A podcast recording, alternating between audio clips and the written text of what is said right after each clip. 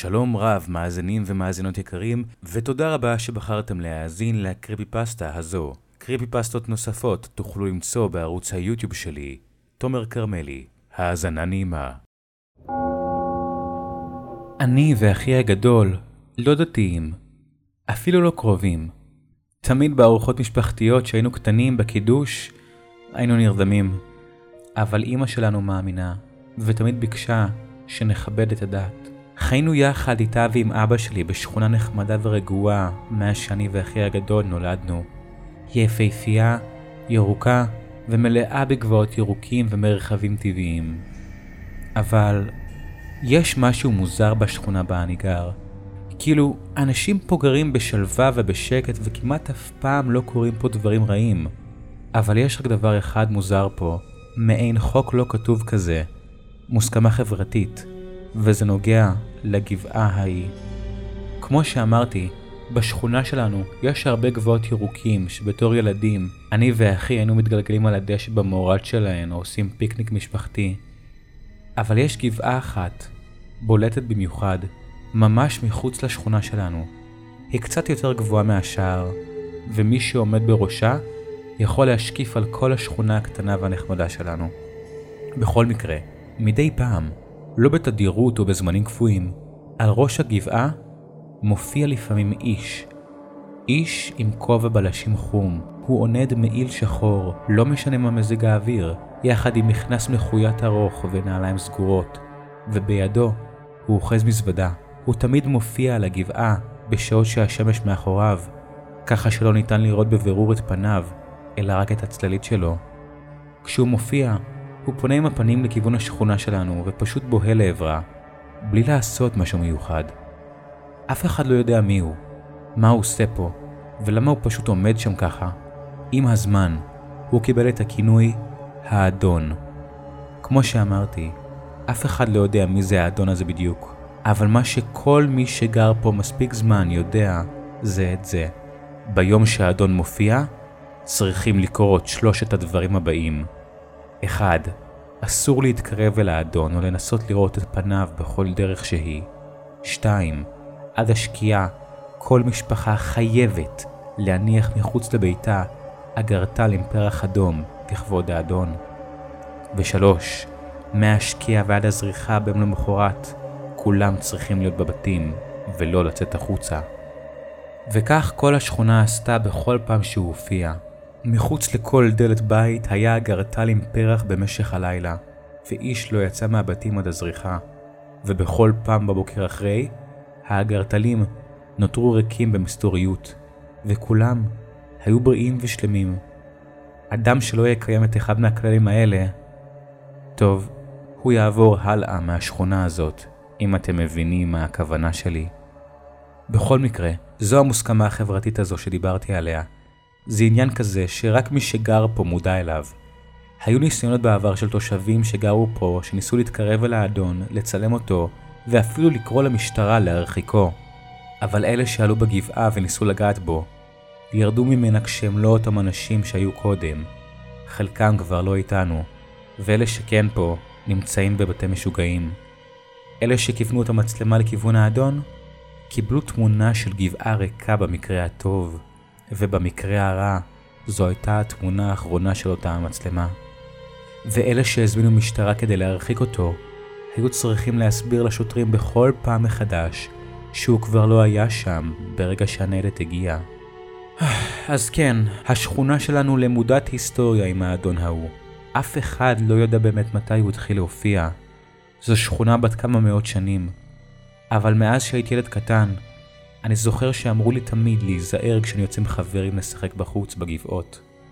וכל תחילת אביב, אני ואמא היינו יוצאים לשדה לכתוב את הפרחים הכי יפים, אותם היינו מניחים באותם לילות מחוץ לבית. ובאותם לילות, אמא ואבא היו לוקחים אותי לישון איתם במיטה. אני זוכר אותי מקובצ'אץ' בין אמא ואבא שחיבקו אותי בכל הכוח, ולא נתנו לי ללכת אפילו לשירותים באותו הלילה. באותם ימים הייתי ילד בוגר, בן 14 ליתר דיוק, אבל ככל שהתבגרתי, ההורים התחילו לסמוך עליי יותר ויותר. הייתי חי בבית פרטי ממוצע ונחמד יחד עם אמא שלי, אווה, ואבא שלי, אדם, ואחי הגדול, קייסי. הוא בן 18 וחזר לא מזמן הביתה אחרי כמה שנים בהם הוא למד בתיכון במדינה אחרת. אה, ושכחתי להציג את עצמי. אני בן. ארבעתנו חיים בשכונה הזו כבר די הרבה זמן. אנחנו נהנים מהתושבים פה, וזה יחסית קרוב לעיר הגדולה שם אבא שלי עובד. אמא שלי עובדת פה בשכונה במכולת קטנה. קייסי, אחי הגדול, תכף מתגייס לצבא, ואני עדיין בבית הספר. זה היה יום קיצי ושטוף שמש, עם ענני כבשה ורוח נעימה של קיץ. כל הילדים והנערים שיחקו בחוץ, יחד עם הכלבים של חלק מהמשפחות שרצו להם על דשא ונהנו מהרוח. כל המשפחות ישבו לפיקניק ביום היפה הזה, וגם אנחנו עשינו את אותו הדבר. אבא שלי לקח חופשה באותו היום מהעבודה, ואימא שלי יצאה מוקדם מהמכולת והביאה לנו כמה מצרכים לפיקניק. היה טעים כל כך. אבא הכין את עוגת הגבינות המעולה שהוא יודע להכין, ואמא פתחה בקבוק יין משובח. אל תדאגו, שתיתי ממש קצת. אפשר להגיד שנהנינו. אחרי הארוחה, אני ואחי הגדול קייסי עלינו על אחת הגבוהות הקטנות ושיחקנו במסירות עם צלחת מעופפת. אוקיי, קייסי, בוא ניתן לך מבחן, אמרתי לאחי הגדול בעודי מחזיק את הצלחת המעופפת בידי. קייסי צחק ואמר, נו באמת, בן, אתה חושב שתוכל לאתגר אותי? כן, אמרתי.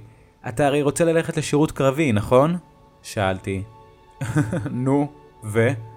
הוא אמר וחשף עם ידו השמאלית את שרירי הזרוע שלו. שוויצר. ואתה אמור להיות בכושר שיא כדי להתקבל, אמרתי. נו, אז? הוא אמר עם חיוך ערמומי. אז בוא נראה מתי תוכל לרוץ מספיק מהר כדי לתפוס את הצלחת המעופפת לפני שהיא נוגעת ברצפה, אמרתי לו. קייסי פיסק רגליים והתכונן לרוץ. הוא הסתכל עליי ואמר, קדימה, תן את הכי חזק שלך. הכי חזק שלי? אמרתי לו. הוא נשך את שפתיו והנהן בחיוב. היה נראה שהוא מוכן לדפוק את הספריט של חייו. הוא תמיד אהב אתגרים. אוקיי, אמרתי. ירדתי מעט מראש הגבעה עליה עמדנו, ועמדתי בנקודה בה יכולתי לראות את קייסי. לקחתי את היד, הסתובבתי סביב עצמי לאחור, אחזתי חזק בצלחת המעופפת, ואז נתתי סיבוב של החיים ושיגרתי את הצלחת המעופפת הזאת גבוה לכיוון קייסי. כל כך גבוה שהוא הסתכל הרבה למעלה כדי לנסות לחשב איפה היא תנחת. היא עפה רחוק לצד השני של הגבעה. מיד הוא דפק ריצה לכיוון השני וירד מראש הגבעה ונעלם לי מהאופק. אני מיד רצתי לראש הגבעה כדי לראות אותו בטח נופל ומתגלגל על הדשא. אבל בחיי, הוא רץ כל כך מהר, הוא כמעט נכנס בפיקניק של משפחה אחרת. ואז הצלחת החלה לרדת מהר מהשמיים והוא רץ לכיוון הנפילה המשוער. הוא קפץ באוויר ותפס את הצלחת ביד וזעק באושר יש! וואו! צעקתי מראש הגבעה לעברו. כולם הסתכלו לעברו. חלק מהילדים אפילו צחקו ומחאו לו כפיים. הוא מיד רץ במעלה הגבעה לכיווני, וכשהוא עלה, יכולתי לראות את הזיעה הנוטפת מהשיער שלו. הוא חייך והיה נראה מבסוט. נו, הוא חייך בעודו מתקרב אליי והתנשף. מתקבל לקרבי? הוא שאל. וואלה, הרשמת אח גדול, אמרתי לו כשהוא הגיע אליי לראש הגבעה. תודה, קייסי אמר. ועכשיו, בוא נראה אותך, בן. רק תיזהר לא להתגלגל במורד הגבעה, כן? הוא צחק. הו, אל תדאג לי, אמרתי לו. ידעתי שהוא מנסה להסיח את דעתי, אבל אני אראה לו שאני גם יכול לרוץ מהר כמוהו. בטוח? הוא שאל. יאללה, קייסי, זרוק כבר! אמרתי לו והלכתי כמה צעדים לאחור. הוא הסתובב סביב עצמו לאחור והתכונן לזרוק. אני הייתי מוכן לזה. הוא חיכה כמה שניות ואז הסתובב במהירות לכיווני ובא להשליך את הצלחת אבל ברגע אחד הוא נעצר ולא ירה את הצלחת. החיוך שלו נעלם מפניו, והוא פשוט הסתכל לעברי. קייסי, נו יאללה כבר, מה יש לך? צעקתי לו, בטוח זה עוד ניסיון להסיח את דעתי. אבל אז הוא אמר, בן? בן? והצביע לכיווני. מה יש, קייסי? צעקתי ובדקתי במכנסיים שלי לא נפלו או משהו, אבל הם היו שם. טעיתי, אולי משהו נפל לי, אז הסתובבתי לאחור, ואז... ראיתי אותו. כמה גבוהות מאיתנו, בקצה השכונה, על הגבעה ההיא, הוא עמד שם, האדון. השמש הייתה כמו תמיד מאחוריו, ככה שלא יכולנו לראות אותו. רעשי הצחוק של הילדים לאט לאט הופסקו ברגע שהתושבים הבחינו בו. חלק מהילדים אפילו החלו לבכות. הסתובבתי מיד לכיוון קייסי, רצתי אליו וחיבקתי אותו. קייסי חיבק אותי ולקח אותי. ירדנו מראש הגבעה לכיוון אמא ואבא שהחלו לקפל את הפיקניק. גם שאר המשפחות עשו את זה.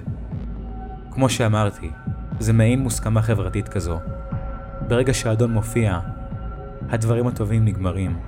כל המשפחות חזרו לכיוון ביתיהם להתכונן אל הלילה. וגם אנחנו. בעודנו הולכים במהירות לכיוון הבית, הסתכלתי לעבר הגבעה.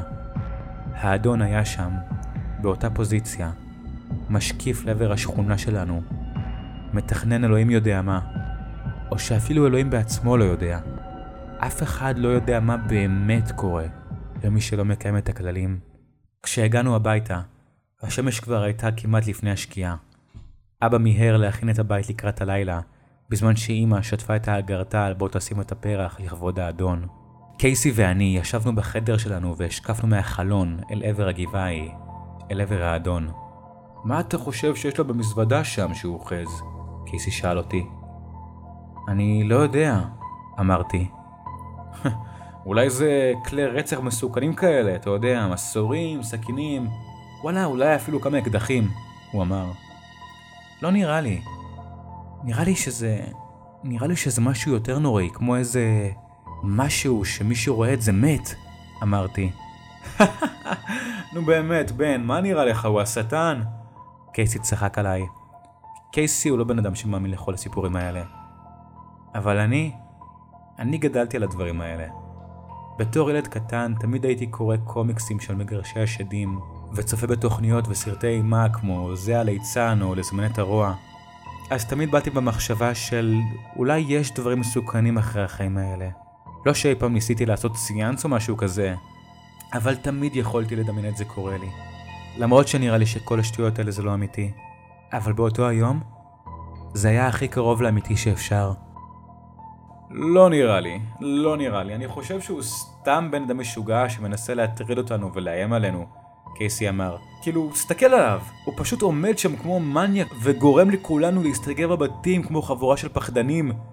נו באמת, קייסי, אמרתי. אתה ראית מה קרה לאנשים שניסו להתקרב אליו? אתה לא זוכר מה קרה למר אנדרסון שניסה להתקרב אליו? תוך שבועיים הוא נכנס למוסד לחולי נפש. אמרתי לו.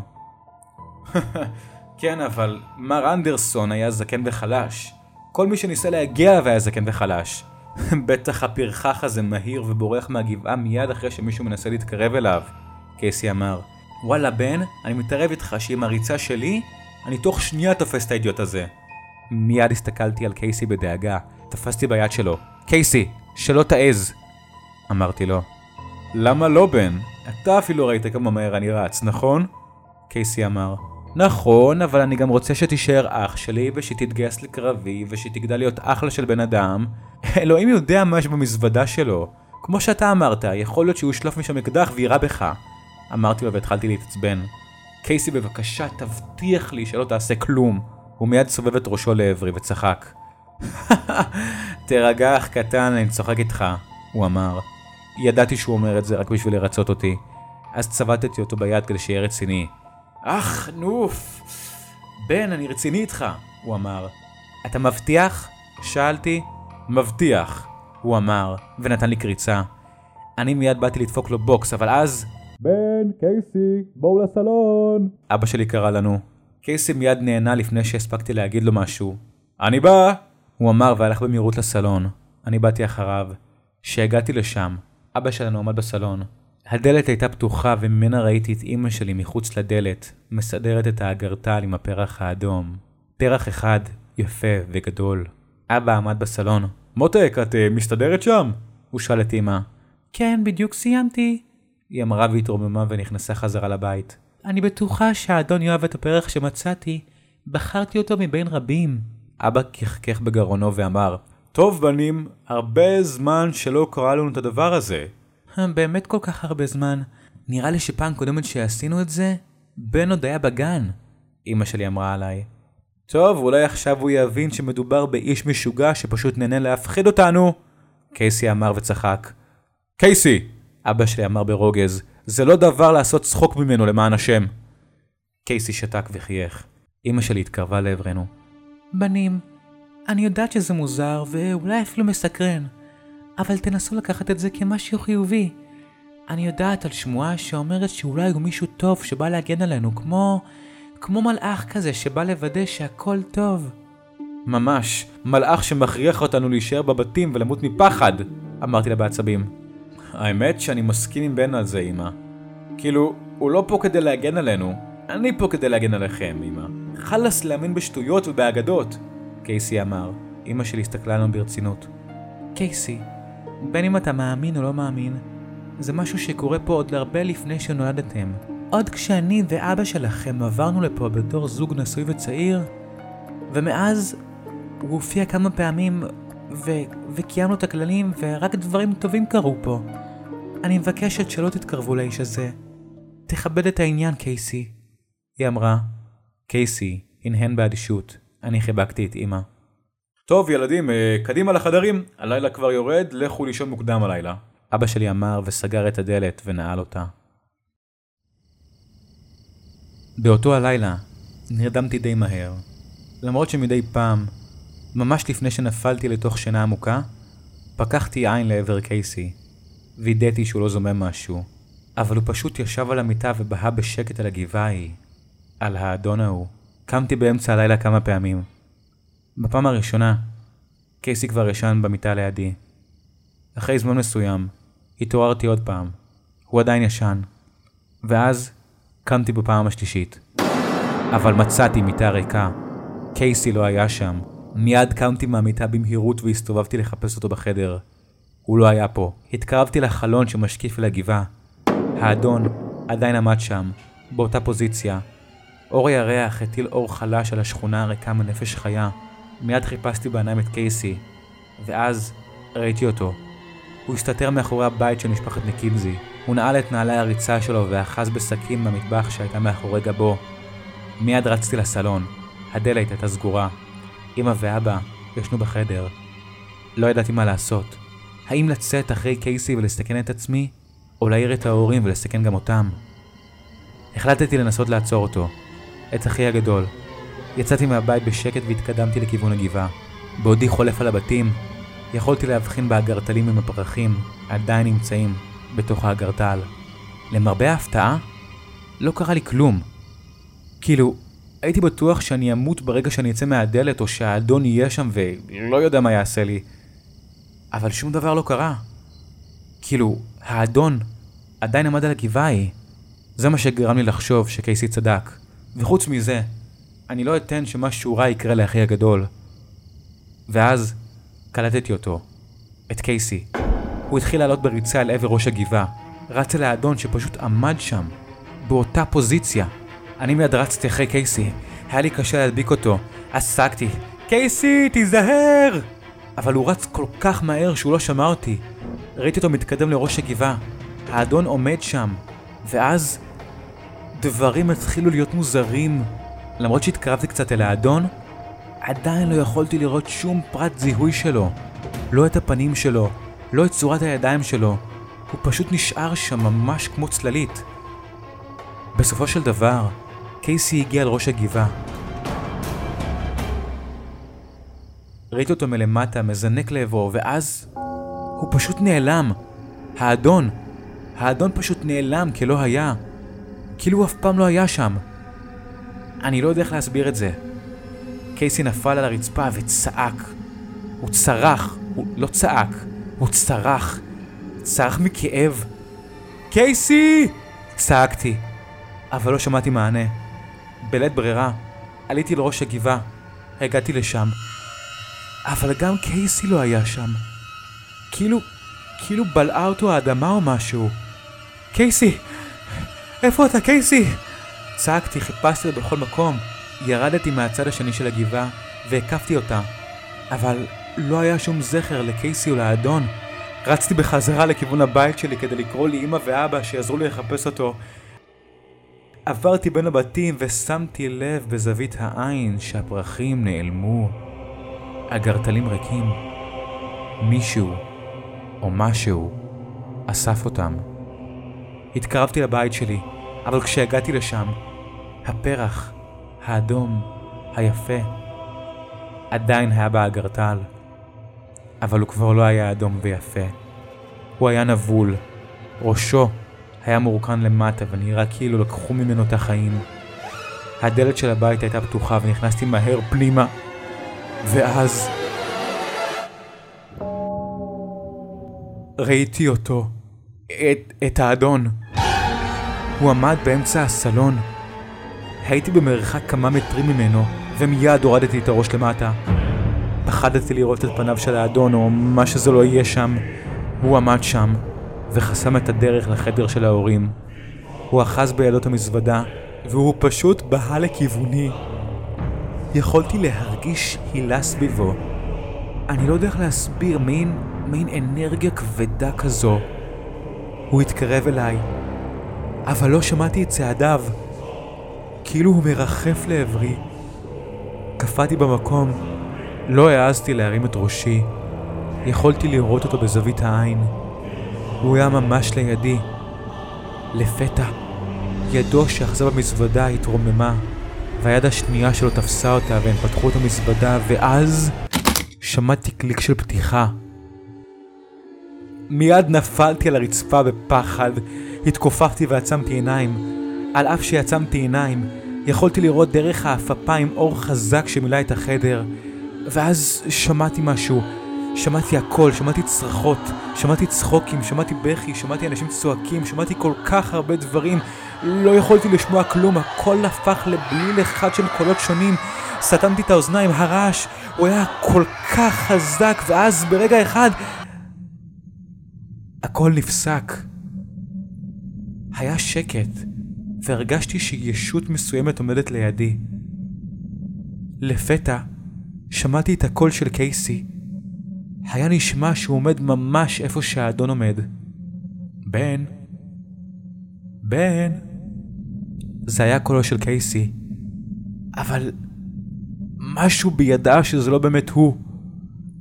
בן, הכל בסדר, זה נגמר. ואז הרגשתי את זה. יד תופסת לי בכתף. זו הרגישה כמו היד של קייסי. לא יכולתי לדבר, אבל הרגשתי לפתע שזה באמת קייסי. בעודי קם על הרגליים עם ראש מעורקן, אני מרגיש את היד של קייסי עוזרת לי לקום. בן, זה בסדר, אתה יכול לפתוח את העיניים. איך אני אדע שזה באמת אתה, קייסי? שאלתי. לפתע הרגשתי את היד שלו תופסת לי את הסנטר בכוח ומרימה אותה לכיוון הקול. מהאינסטינקט המהיר העיניים שלי נפתחו, ואני רואה את פניו של האדון מולי. כי אני ראיתי את אלוהים.